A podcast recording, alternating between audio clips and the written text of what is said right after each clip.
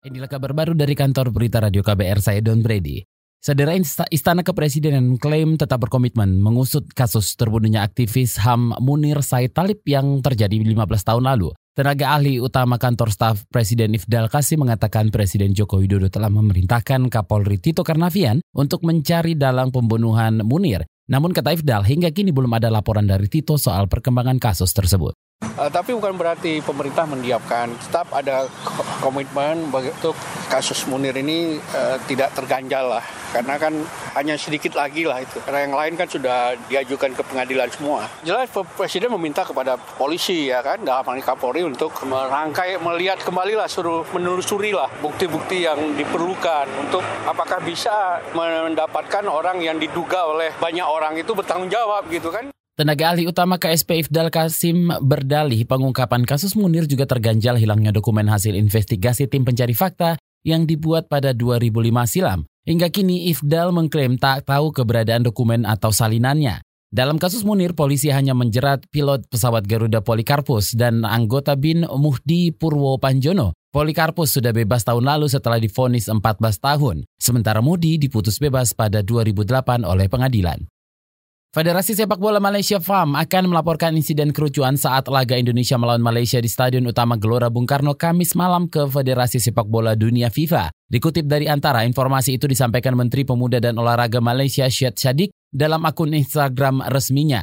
Sadiq mengaku juga akan membuat laporan resmi kepada pemerintah Indonesia. Menteri Muda Negeri Jiran ini memposting video saat ia dan pendukung timnas Malaysia tengah menyaksikan laga di tribun penonton. Ia mengaku dilempari botol air minum kemasan dan bom asap oleh supporter Indonesia saat timnya menang. Hingga laga usai, Sadik terjebak di dalam stadion bersama para pendukung Malaysia.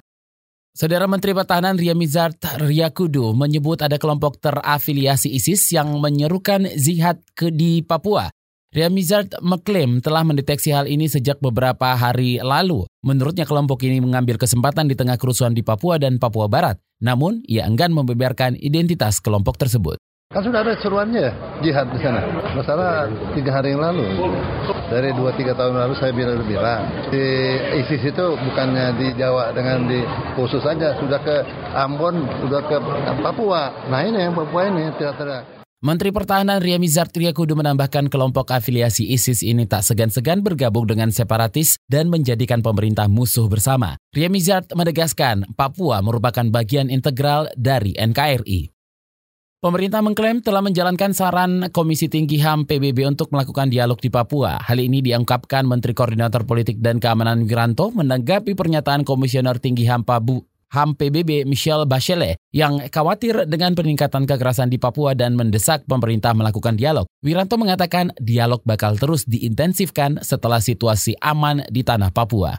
Presiden sudah dialog, saya sudah dialog. Sekarang Kapolri, Panglima TNI ke sana dialog. Jadi sudah dialog, bukan belum dialog, sudah. Tetapi dialog dalam keadaan ribut-ribut seperti ini, itu kan fokusnya kan berbeda. Kalau ribut-ribut ini, dialognya fokusnya adalah, ayo kita damai, ayo kita tenang, ayo kita kendalikan ini dengan baik, ayo kita bersahabat kembali. Menko Polhukam Wiranto mengklaim situasi di sebagian Papua dan Papua Barat sudah aman. Aktivitas masyarakat sudah berjalan seperti biasa. Kendati begitu, Wiranto menegaskan pemerintah akan terus memantau potensi ancaman keamanan. Demikian kabar baru dari kantor Berita Radio KBR saya, Don Brady.